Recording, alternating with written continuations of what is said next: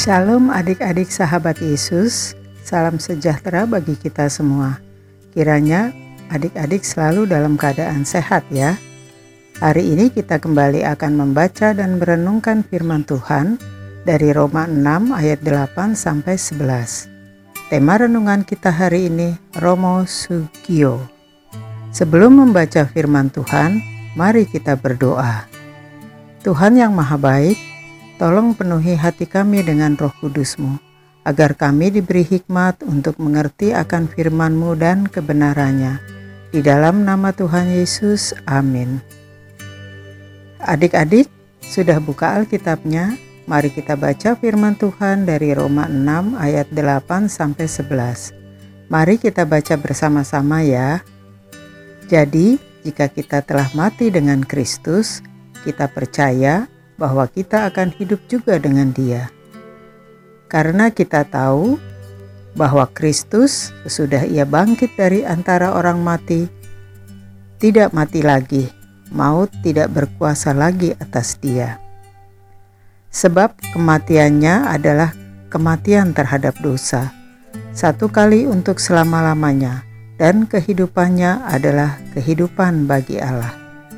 Demikianlah hendaknya kamu memandangnya, bahwa kamu telah mati bagi dosa, tetapi kamu hidup bagi Allah dalam Kristus. Demikian pembacaan firman kita hari ini. Nats ayat kita hari ini Roma 6 ayat 8. Jadi, jika kita telah mati dengan Kristus, kita percaya bahwa kita akan hidup juga dengan Dia. Monsignor Abel Trusugio Pranoto SC adalah seorang uskup pribumi pertama yang dianugerahi gelar pahlawan nasional dan dimakamkan di Taman Makam Pahlawan Giri Tunggal Semarang. Romo Sugio lahir di Surakarta pada tanggal 25 November 1896 dan meninggal di Belanda pada tanggal 22 Juli 1963. Beliau adalah seorang rohaniawan Katolik yang turut aktif dalam perjuangan kemerdekaan Indonesia.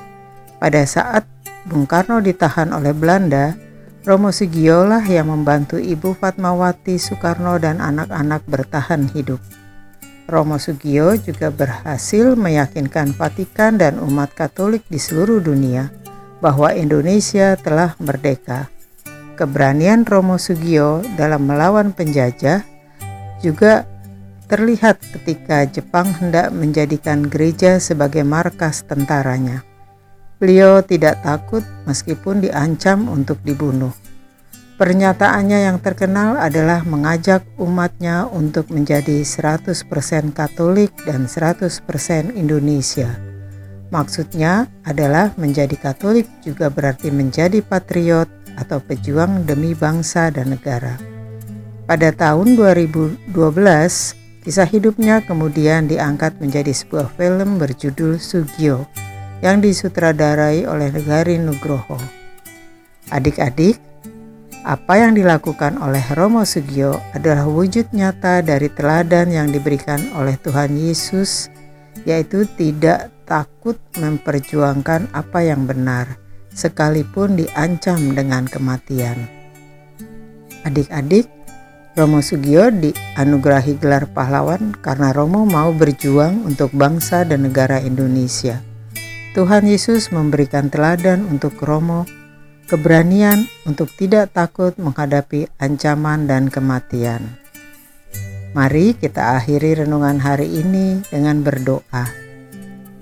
Bapa di surga, ajar kami meneladani apa yang dilakukan oleh Romo Sugio, yang walaupun mendapat ancaman kematian, namun tidak gentar. Terima kasih ya Tuhan, dalam nama Tuhan Yesus, amin. Damai sejahtera Tuhan Yesus menyertai adik-adik